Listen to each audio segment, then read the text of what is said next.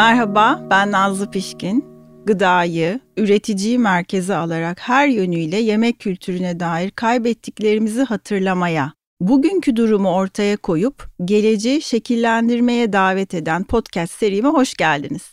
Bu seride yeme içme dünyasının içinden ya da bu dünya ile ilgili çalışan alanında uzman kişilerle sohbet ediyorum. Bugünkü konuğum sevgili arkadaşım Boğaziçi Üniversitesi Sosyoloji Bölümü öğretim üyesi Profesör Doktor Zafer Yenal. Hoş geldin Zafer. Hoş bulduk Nazlı. Nasılsın? İyiyim çok teşekkür ederim. Davet ettiğin için de çok mutluyum. İyi ki geldin, iyi için. ki geldin. Ee, biz Zafer'le uzun yıllardır çalışmalarımızla hem de arkadaşlığımızla birbirimizi tanıyoruz. Ee, bir ortak arkadaş grubunda tanışmıştık ve sonra e, ben Zafer'in sosyoloji derslerine konuk olarak gittim. Bir dönem onun yemek sosyolojisiyle ilgili derslerini takip etme fırsatını bana vermişti sağ olsun ve çok şey öğrenmiştim.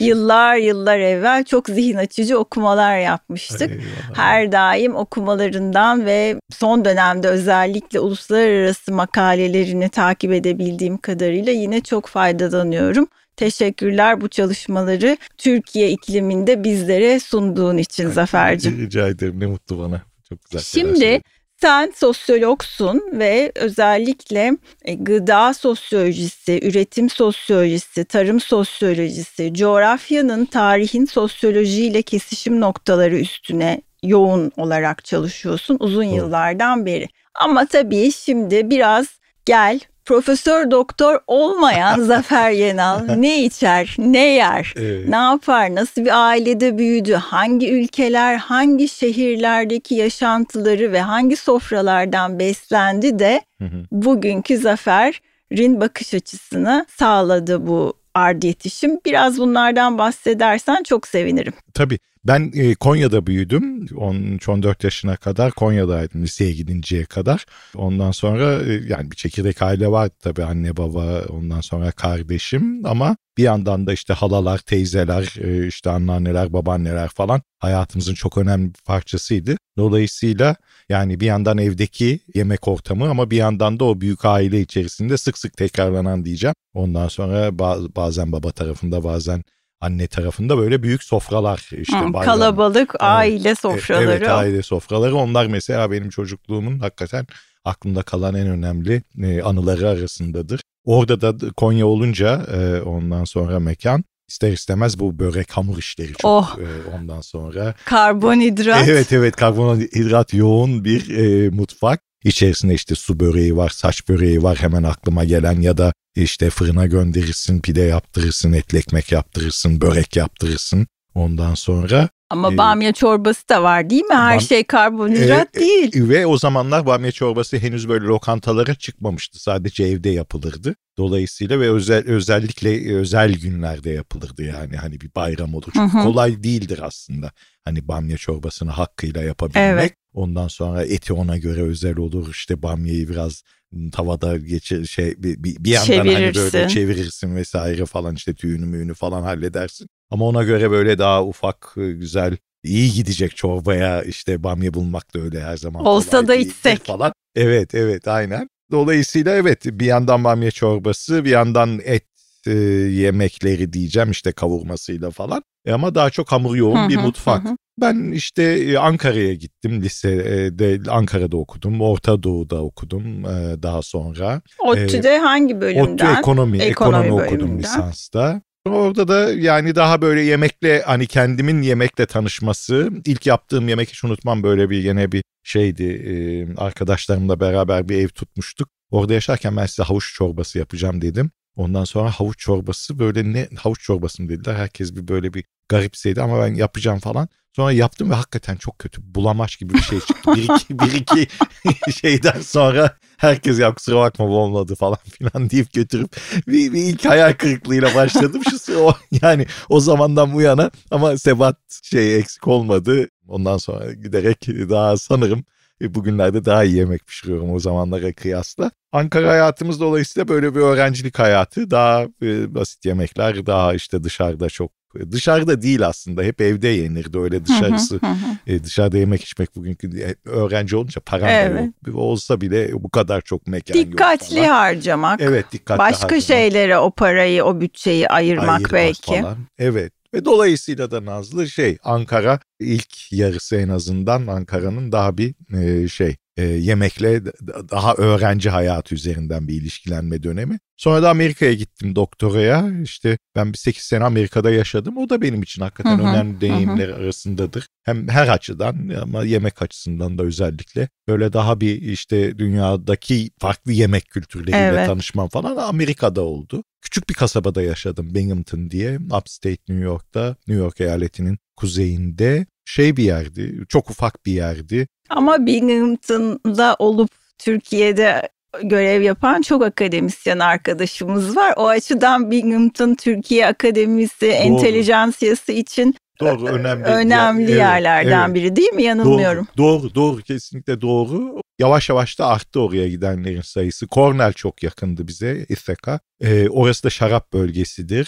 Bu Finger Lakes bölgesi önemli şarap bölgelerinden bir tanesidir Amerika'nın. Dolayısıyla o şarap kültürüyle falan da çok tanışmam gene orada oldu. Ee, Binghamton küçüktü ama bir Vietnam lokantası vardı. Mesela benim çok sevdiğim, ondan sonra salatalarını çok severdim. Böyle sulu yemekleri olurdu falan hala böyle ve çok şey bir vejeteryan ve e, şey bir sağlıklı bir sofra diye hatırlıyorum. Güzel Çin lokantası vardı.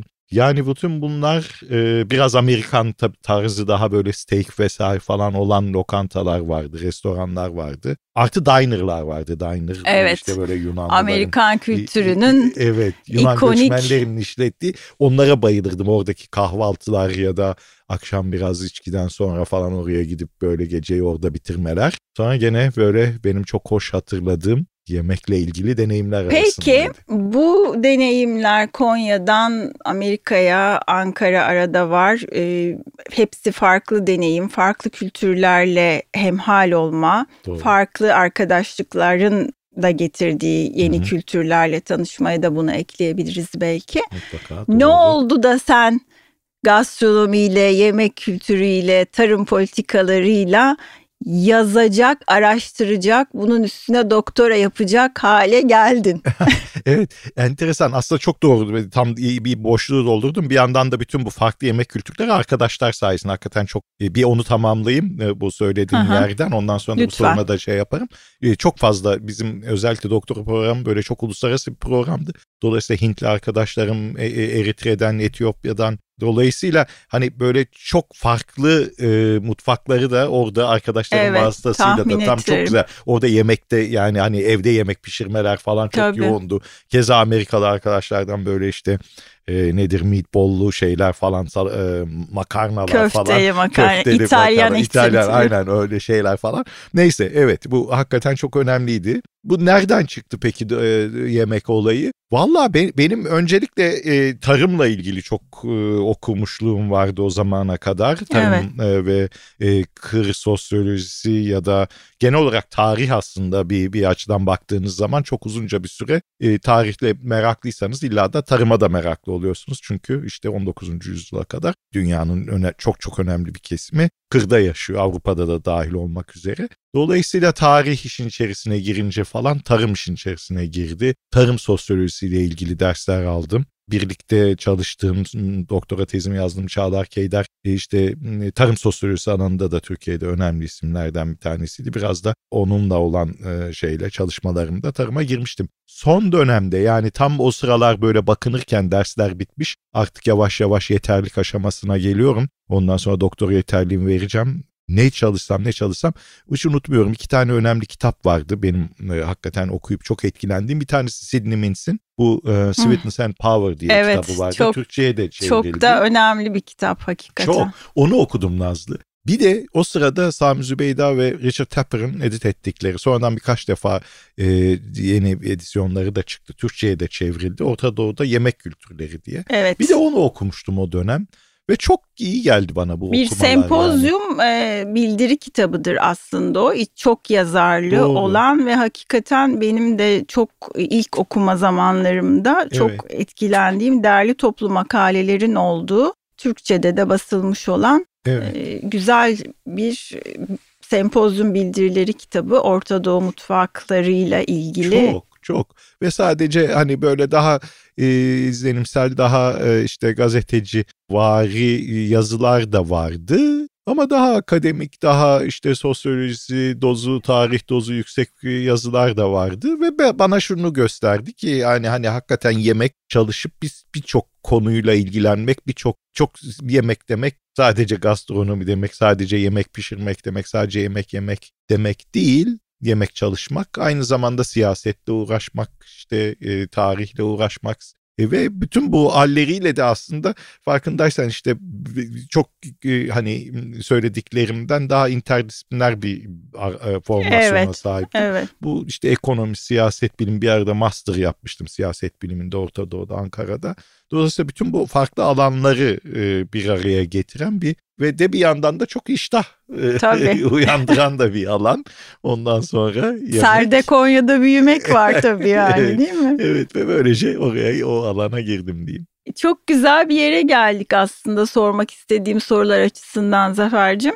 Hı hı. Şimdi coğrafya, e, tarih, sosyoloji olmadan yemek kültürü, gastronomi konuşmak eksik kalır en hafif tabiriyle diyelim. Çok doğru. Bunların yanına etnografyayı ekleyebiliriz, edebiyatı ekleyebiliriz. Doğru.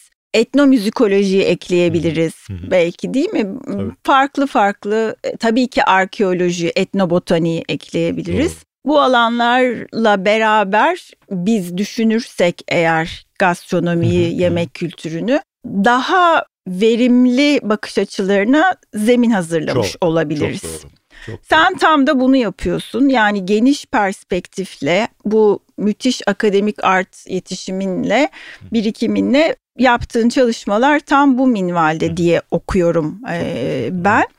Biraz coğrafya konuşalım istiyorum Tabii. ve hafıza. Çünkü coğrafya ile hafıza iki büyük alan birbiriyle çatıştığı durumlar, zamanlar ve mekanlar var. Birbiriyle barıştıkları zamanlar da var. Nasıl görüyorsun coğrafya ve hafızayı? Nasıl değerlendirirsin? Cumhuriyetimizin 100. yılını kutluyoruz 2023 yılında.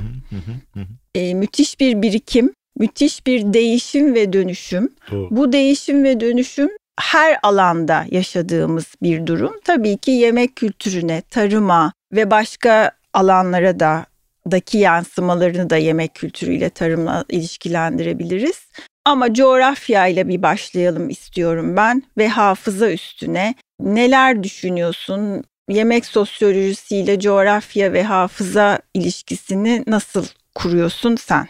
E, vallahi çok güzel formüle ettin. Şimdi yemek kültürlerinin oluşmasında öncelikle coğrafya çok çok önemli tabii. Neden önemli? E, yemek kültürleri ancak e, verili e, o bölgede, e, o yörede mevcut e, ürünlerle mümkün olabiliyor ve bu evet. ürünler de e, ondan sonra işte toprağın aynı zamanda havanın, iklim koşullarının, güneşin ondan sonra e, çok farklı bir takım fiziksel diyelim doğal toprağa dair, o yöreye dair coğrafi bir takım unsurlarla çok yakından alakalı. Biz buna hani terroir, terroir diyor ya evet, Fransızların evet. söylediği. Terroir sadece üzüm için geçerli, geçerli değil, değil. Her aynen. şey için Her geçerli şey için aslında. Geçerli. Kesinlikle doğru. Peki terroir neden önemli? Hafızayla bağlantısı var mı?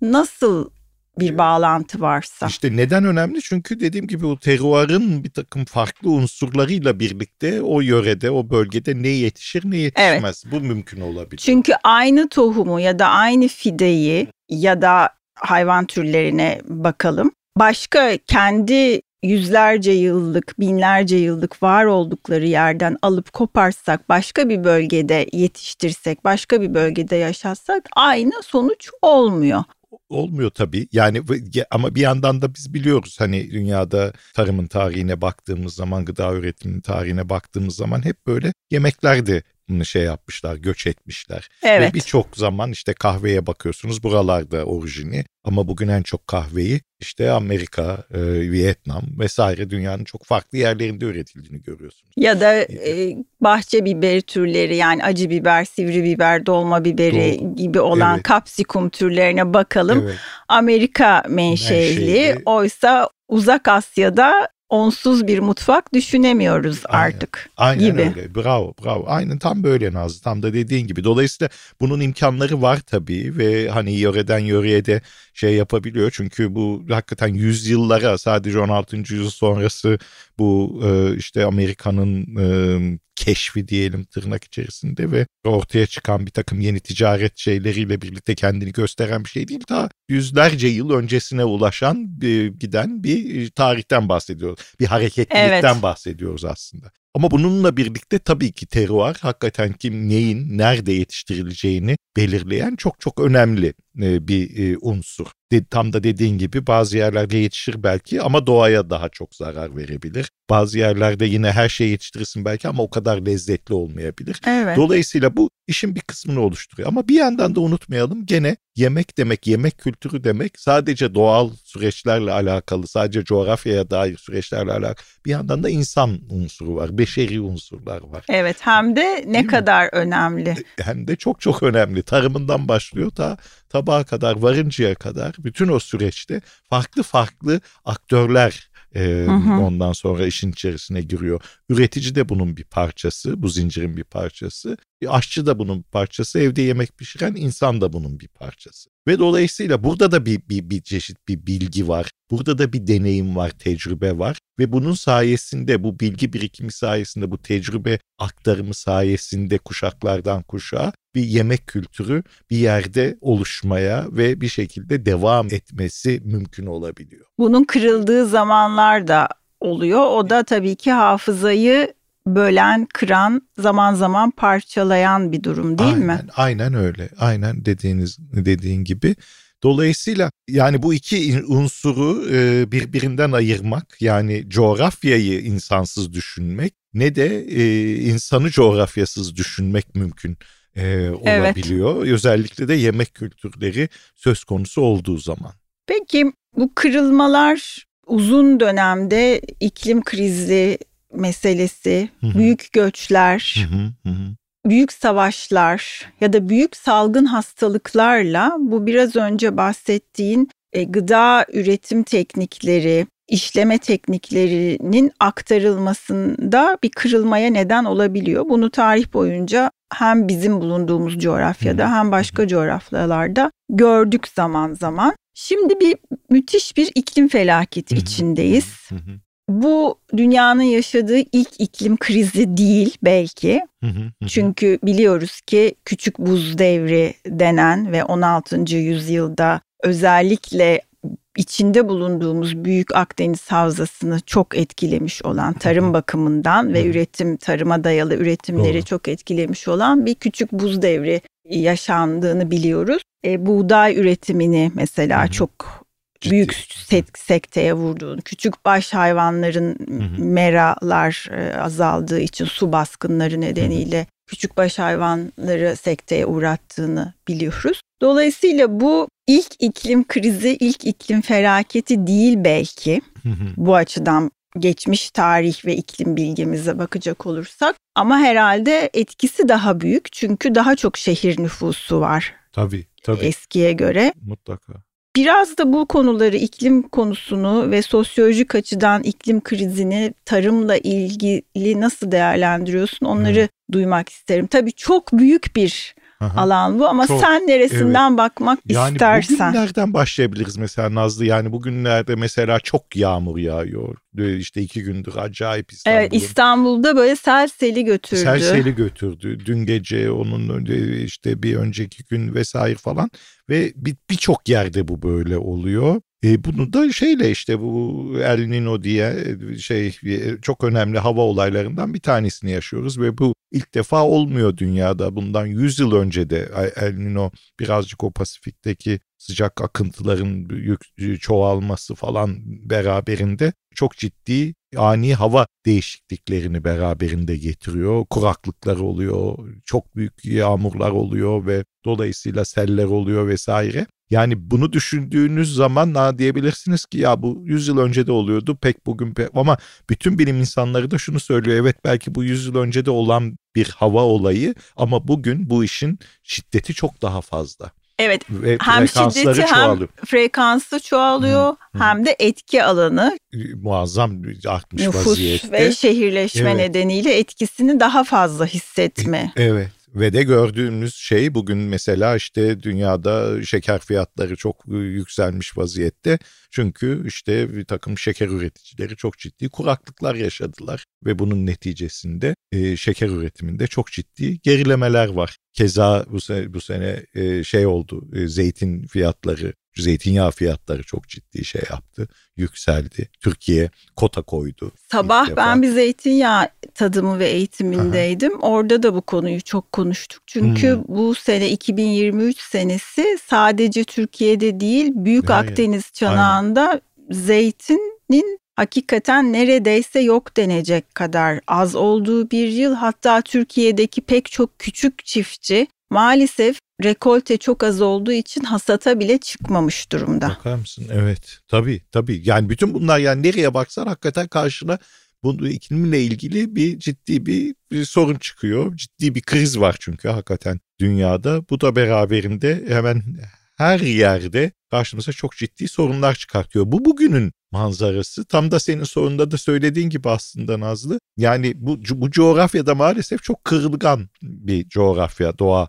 e, olaylarına karşı ve e, hakikaten işte ta 17. yüzyıldan 19. yüzyılın neredeyse ikinci yarısına kadar hava olaylarının e, buradaki tarım üretimini, hayvancılığı çok ciddi derecede etkilediği bir e, dönemden geçti ondan sonra ve bugün baktığımız zaman gene bu bölgede e, işte yeraltı su kaynaklarının durumuna falan azalmanın hissedildiği gene başlıca yerler arasında. Evet, ee, obrukların oluşumu mesela değil mi? Mesela, Senin büyüdüğün. Evet, evet, e, evet. Ve Türkiye'nin tahıl ambarı olarak eskiden okuduğumuz evet. Konya Ovası'nda e, müthiş artık Çok obruklar. fazla obruk var, çukurlar var. Bir yandan çünkü yeraltı suları çekiliyor. Bir yandan, bir yandan vahşi sulama devam ediyor. Evet, evet. çünkü orada da yani götürüp pancar üretimini mesela teşvik eder edersen kadar su isteyen bir ürüne evet. bu, teşvik verirsen bununla ilgili e, politikaları vesaireleri falan e, biraz da çevre üzerinden düşünmezsen sadece her şeyi mali bir takım iktisadi bir takım öncelikler üzerine kurgularsan ne geleceği yer burası oluyor aslında. Maalesef. Ve dolayısıyla hakikaten böyle çok kritik bir dönemden geçiyoruz ve bununla ilgili neyi nasıl yapılacak, ne olacak soruları falan çok çok önemli. Yani tarımsal üretim değil sadece nasıl bir tarım ondan sonra ve bu tarım üretimi bu iklimle ilgili meseleleri bu krizle ilgili meseleleri ne kadar içine alarak e, şey yapacak yapamayacak bunlar gerçekten şey önümüzdeki dönem Türkiye'de ne yiyeceğiz ne yiyeceğimeyeceğiz e, evet. son derece belirleyici olacak diye düşünüyorum. Ee, geçen gün böyle bir üreticilerle beraber bir kahve içmiştim. Farklı farklı sektörden arkadaşlarla tanesi işte kahve ithalatçısı diyor ki işte e, kahve e, şurada şu bölgede müthiş bir kuraklık oldu ithalat yaptığı ülkelerden birinde. Şöyle arttı kahve e, fiyatı. Öteki diyor ki şeker fiyatını takip etmekten şekerleme e, e, nasıl fiyat evet. açacağım? Öteki zeytinyağı artık işte şu fiyat e, çıkıyor yok deniyor. E, üzümde öyle bu sene Türkiye için çok ciddi Değil mi o da? Yok evet, evet. hasat çok rekolte çok düşük oldu evet. maalesef. E, bunlara lan başa çıkabiliyor Jack mekanizmaları nasıl geliştireceğiz? Hem üretici hem tüketici evet. olarak başlı başına meseleler. Mesele, yani bugün mesela yine bugünlerde çok konuşuluyor. Türkiye'de çok ciddi bir şey artışı olmuş son dönemlerde ki bunu görebiliyoruz. Manava falan gittiğimiz zaman daha önce görmediğimiz bir takım meyveler var. Daha tropik meyveler. İşte içerisinde ne bileyim mango da var, pasiflora da var. Yıldız meyvesi. Yıldız meyvesi. Ejder, ejder meyvesi. Ondan sonra e bunlar Nazlı acayip su isteyen meyveler. E tabii çünkü Muz bunlar da dahil olmak üzere. Evet çünkü bunlar tropikal ya da subtropikal iklimde yani e, işte hatırlayalım ortaokul lise coğrafya e, bilgimizi değil mi? Hindistan'da vesaire olan bol yağmur olan Aynen. E, yerlerin oraların Oralar. ana vatanı olan dünyaya Evet. oralardan yayılmış genel olarak bitkiler. E bizim Akdeniz iklimi böyle bir iklim değil. Değil. Evet var olan yani o Gazi Paşa'dan başlar işte biraz Bozyazı'ya kadar devam eden bir hatta böyle çok mikro kliması oranı çok enteresandır. Hakikaten işte muzun falan Evet, orada evet. yetişmesi. Benim ondan- memleketim ben Aha. Antalyalıyım. Ee, şu şu anda Türkiye'de tabii ki bu biraz önce saydığın tropik meyvelerin bazıları hepsi değilse de bazıları yetiştiriliyor Evet. ve ticari boyutta yetiştiriliyor. Çoğu çok da çoğaldı. Antalya'da özellikle Gazipaşa e, bir kısmı Anamur'da Gazipaşa'da daha çok Antalya'da yetiştiriliyor. Muzlar seralara girdi artık. Tabii. Çünkü müthiş bir muza teşvik var. Avokadoya teşvik var. Ee, yani tarım teşviklerinden bahsediyorum. Tüketicinin e, talep teşviğinden değil. Dolayısıyla özellikle Antalya Ovası için düşünecek olursak turizme tarım alanlarının verilmesinin üstüne kalan tarım alanları da farklı tropik bitkilerin yetiştirilmesine ayrılmış durumda gibi bir durum var. İşte Konya'nın durumunu, obrukları vesaire konuştuk. Başka bölgelerde başka iklime ve yeni ürünlere talebe dair şeyler var. Nasıl çıkacağız bunun içinden peki Zafer? Kendi toprağımıza, tohumumuza, suyumuza, denizimize müthiş bu kirlilik bir de tabii bir kirlilik de var. Yani vahşi sulama, toprağın tuzlanması, gereksiz kimyasal gübrelerin uzun yıllar kullanılması gibi şeyler de toprağı e, mahvediyor. Dolayısıyla böyle kocaman bir sorun Evet, yumağı e, gibi düşününce Evet. korkunç gibi Yok, geliyor doğru, bana. Heyyula bir mesele var önümüzde. Büyük bir mesele var ama yani ne diyelim bu, bu işi işte bunları konuşmak, bunları farklı platformlarda dile getirmek önemli. Aynı zamanda bu tür konuları hani olay biraz gastronomiden çıktık, yemek kültürlerinden bahsettik falan. Bu tür meseleleri sadece tarımla ilgili tartışmalarda değil, aynı zamanda işte yemekle e, ilgili Evet. ta- restoran değerlendirmeleri olsun, gastronomiyle ilgili yapılan işte zirveler olsun, e, toplantılar olsun. Ondan sonra ya da çok sıradan e, ondan sonra restoran menüleri olsun hani böyle Evet, evet. bütün buralarda görmek, bütün burada buralarda yansımalarını görmek. Yani şunu kastediyorum. Bir yandan bu tür toplantılarda bu meselenin gündeme gelmesi sıklıkla çok çok önemli. Ondan sonra bir yandan da hani menü seçimlerinde, menü oluşumunda vesaire filan farklı restoranlarda, farklı restoran türlerinde buralara girmek ve ona göre aslında biraz daha bu işin nasıl diyelim arka planını oluşturan insanların, yemek yazarlarının, işte bloggerların şudur budur. Yani neyse artık bu kamuoyunu, yemekle ilgili kamuoyunu hem yön veren hem de bunun dışındaki insanlara da ulaşabilen kesimlerin bu tür konularda şey yapması, konuşması, bu mesele e, olarak bunu e, gü- şey yapması, gündeme getirmesi bence çok çok önemli. Önemli. Çünkü çok insan bence bilmiyor da bunlar. Yani ço- çok insanın gündeminde de değil. Gündeminde değil, Ondan evet. sonra maalesef hani içinden geçtiğimiz durum belli. Birçok farklı problemle boğuşan bir dünya ve bir ülkede yaşıyoruz. Fakat bu bu meselenin de hakikaten öyle çok e, şeye kenara itilecek bir mesele olmadığını, bir, bir de yani geleceğini doğrudan belirleyen bir, Evet. bir mevzu aslında. Ne yiyeceğiz yani ne değil mi? yiyeceğiz, ne, ne, ne, ne kadar yaşanabilir bir dünya bu dünya olacak falan bir 15 20 Gastronomide sürdürülebilirlik çok konuşuluyor aslında. Yani bütün dünyada çeşitli sempozyumlarda, Hı hı. etkinliklerde ana konu olarak epey gündemde. Bunun yansımaları Türkiye'de de var. Bazı restoran menülerine bu şekilde sürdürülebilir, Hı hı. e, ziyansız mutfak, sürdürülebilir menüler vesaire ya da yerel ürünlerin e, Hı hı. değerlendirilmesi pek çok restoranda farkındalığı olan pek çok restoranda aslında gördüğümüz şeyler. Ama dediğin gibi bunun genel olarak bütün Türkiye sattığına yayılabilmesi için farklı çalışmalar, farklı seslerin farklı platformlarda bunlar Evet. dillendirmesi, konuşması hakikaten önemli. Çok çok önemli. Yani hani hakikaten bu, bu tarımla, iklimle gastronomi ilişkisini kurmak ondan sonra ve bunun üzerine e, şey yapmak.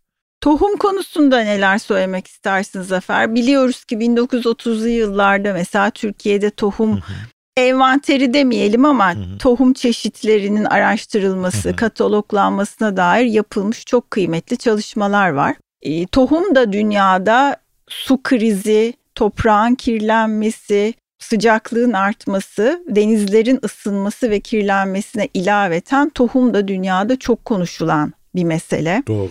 Hem tohumda tekerleşmeye gidilme ve hibrit tohumlar meselesi üstünden çok konuşuluyor. Hem de biyolojik çeşitliliğin korunması, devam ettirilmesi için neler yapılması gerektiğine dair platformlarda da tohum konusu çok dillendirilen bir mesele. Bizde de devlet eliyle tohum araştırmaları günümüzde de devam ediyor. Nasıl görüyorsun sen gastronomi açısından ve biyolojik çeşitlilik açısından tohumla ilgili durumumuzu şu anda diyeyim? Yani çok çok önemli konulardan bir tanesi bu tabii. Bütün dünyada olduğu gibi Türkiye'de de 1950'ler, 1960'lar sonrasında falan tohumlarda genellikle böyle bir standartlaşmaya, teknikleşmeye diyelim gidiliyor. Hibrit tohumlar piyasayı domine eder hale geliyor ve bunun paralelinde de e, yerel tohum kullanımı giderek azalıyor. E, ve yerel tohum kullanımı bugün e, hakikaten çok çok azalmış vaziyette yüzde birler ikiler seviyesinde falan belki fakat son dönemde biliyoruz hani çok farklı kaygılarla bunun içerisinde daha çevre ile ilgili kaygılar da var daha sağlıklı yemek ile ilgili evet. takım eğilimler de var. Çünkü şeyi de biliyoruz yani bu tür tohumlarla üretilen tahıllar besin değeri açısından falan çok daha e, şeyler. Kıt. E, e, tabii daha kıt yeni hibritler. Diğerleri ise orijinal yani kavulcası olur.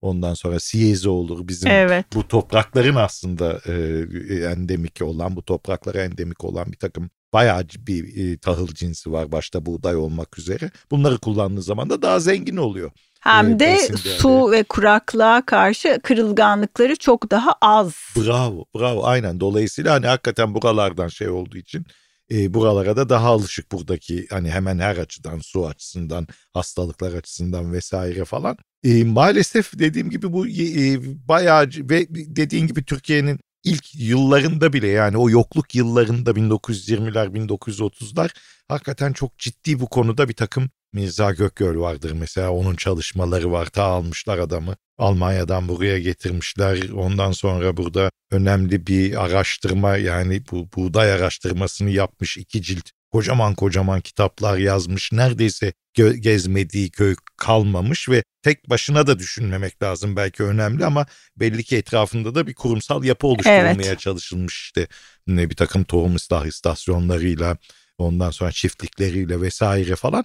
Maalesef biz bunu çok da sürdürmemişiz, sürdürülememiş. Çünkü bir yandan da dünyanın ondan sonra ülkenin ondan sonra işte sanayileşmeyle gıda sanayini, gıda üretimini falan o paralelde değiştirmekle, dönüştürmekle, e, modernleştirmekle hı hı. ilgili bir işte daha çok verimlilik yükseltmek anlamında falan bir kaygısı olmuş. O minvalde yürümüş işler ve bunun da ciddi bir maliyeti olmuş hemen her açıdan. Yani hem beşeri maliyetleri var hem e, çevresel maliyetleri var. Şimdi ise bunu daha bir artık şeye böyle ya nerede hata yaptık konusunda düşünen insanların çoğaldığı bir dünyadan geçiyoruz. Türkiye'de de yansımaları var bunun tabii. Ama çok yakın zamanda bile 2006'dır Türkiye'de tohum yasasının geçtiği ve tohum yasasının e, ondan sonra şey yapmasıyla beraber ticari şirketlerin bu konuda giderek daha fazla e, pay sahibi olduğu ve e, bunun dışına çıkmanın yani ticari tohumlarla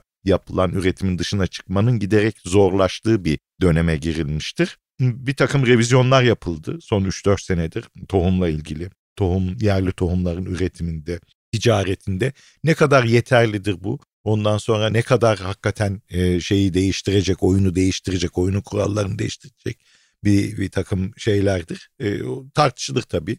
Bizim aslında hakikaten e, şey deyip geçmememiz gerekir. Yani ya buğday işte tohum sonuçta bir sadece işte ekmek ondan sonra bunlar çok çok önemli e, şeyler. Çünkü Türkiye mesela ekmek üretimin, ekmek tüketiminde dünyadaki en çok kişi başına ekmek tüketilen ülkelerin belki de başında gelir. Ve dolayısıyla hani o ekmeği na- nasıl girdiğiyle, e, nasıl ne tür bir unla yapıyorsunuz? O, o unu ne tür bir buğdaydan e, ondan sonra üretiyorsunuz? O buğday nasıl bir tohumla şey yapılıyor? Hepsi ekmeğin kalitesini, ekmeğin besin değerini çok etkileyen şey, şeyler. faktörler. Ondan sonra dolayısıyla bunlar hakikaten önümüzdeki dönemlerde de sıkça konuşacağımız konular olacak evet. herhalde diye düşünüyorum. Peki e, sohbete tadına doyulmaz ama e, bu seride bir adetim var Hı. benim Zafer. Konuklarıma 3 en sorularını tamam. soruyorum.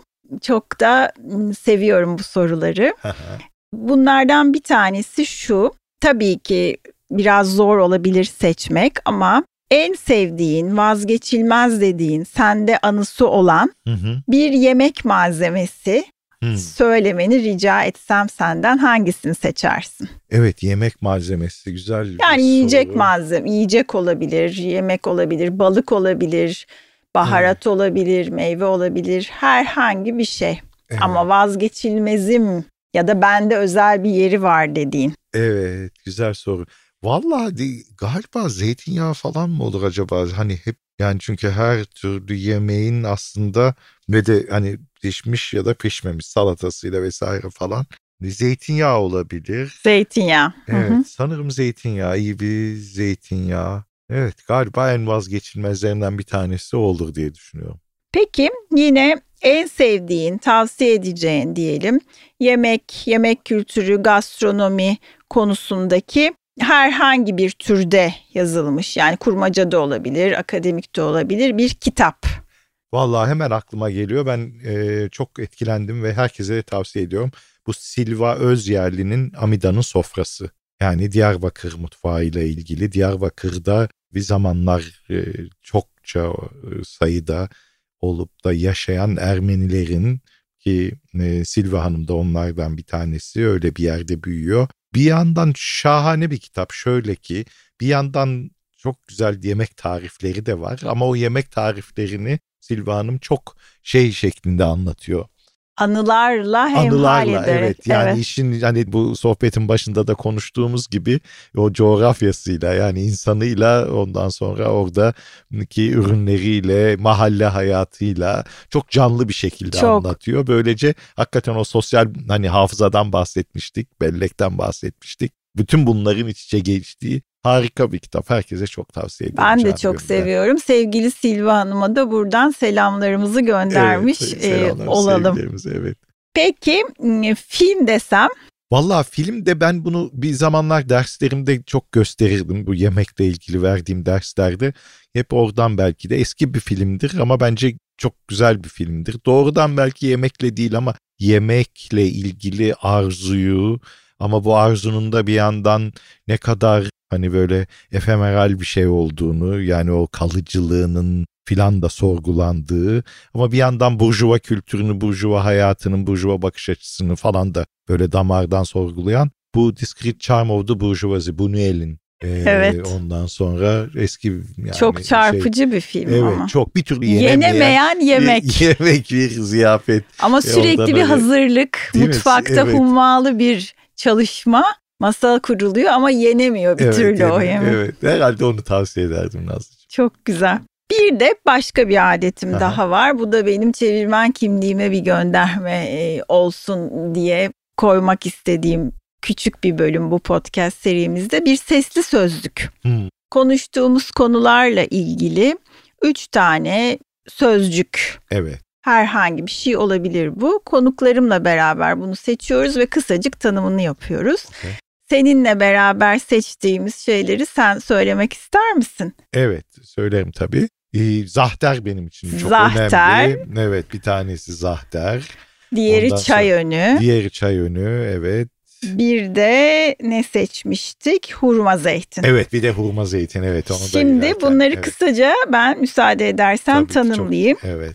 Efendim çay önü günümüzde Diyarbakır il sınırları içinde olan tahıl ve evcilleştirmeye dayalı köy hayatının bizim topraklarımız, sınırlarımız içindeki en eski örneklerinin görüldüğü bir yerleşim merkezi. Doğru. Yabani buğday, mercimek, giller gibi bitkilerin tarıma alınmasının, koyun ve keçi gibi küçük baş hayvanların evcilleştirmesinin gerçekleştirildiği ilk yerleşim yerlerinden bir tanesi olması açısından çok önemli. Ayrıca madencilik tarihi bakımından da çok önemli bir avcı toplayıcı halkın yerleşik olduğu tarıma dayalı hayata geçiş aşamasının görüldüğü bir e, şehir diyeceğim o zaman evet, şehir. Eski bir, evet eski şehir, bir yerleşim, yerleşim yeri. O zaman şehirden bahsetmek mümkün değil ama o zamana göre büyük bir nüfusun olduğu önemli bir arkeolojik alan. Oradan bulunan malzemeler de e, Diyarbakır e, Müzesi'nde görülebiliyor. Evet ve aynı zamanda orası da bir arkeolojik orası bir da şey bir olarak arkeolojik kazı ziyaret, alanı evet. olarak ziyaret, ziyaret edilebiliyor. Evet. Bence çok etkileyici, çok. Anadolu'daki çok etkileyici tarım tarihi açısından da e, evcilleştirme tarihi açısından da çok etkili bir alan. Yani, Herkese tavsiye evet, ediyoruz. Herkes Urfa'daki işte e, Göbekli Tepe'yi. Göbekli Tepe'yi bilir. E, burası çok bilinen bir yer değildir. Ama bir yandan oradan bile eskiye giden evet, aslında. Çok çok bir önemli yer. yerlerden bir tanesi. Peki Zahter'e gelelim. Evet.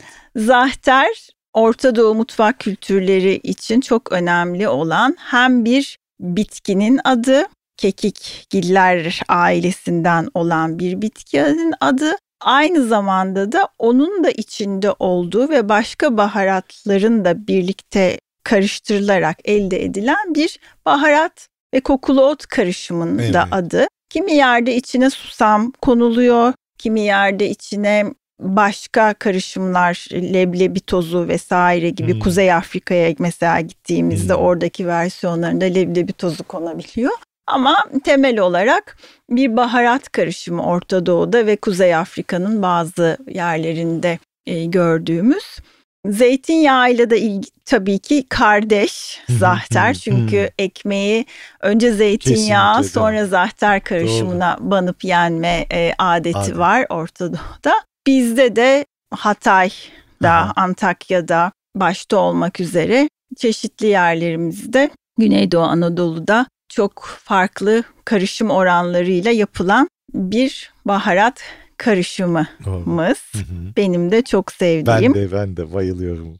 Ee, diğer de hurma zeytin. O da artık neredeyse bulmanın çok zor olduğu bir zeytin evet. e, çeşidimiz diyelim aslında. Evet. Şöyle ki hurma zeytin e, Urla'da, Seferihisar'da, e, Karaburun'da, Karaburun'da özellikle evet. Karaburun'un iki köyünde ki bunlar Eğlen Hoca e, ve Kösedere köyleri e, daha çok oralarda son zamanda karşımıza çıkan bir zeytin çeşidi diyelim ama aslında şöyle bir şey erkence varyetesi zeytinin ağacında olgunlaşmış hali hurma zeytin. Evet, evet.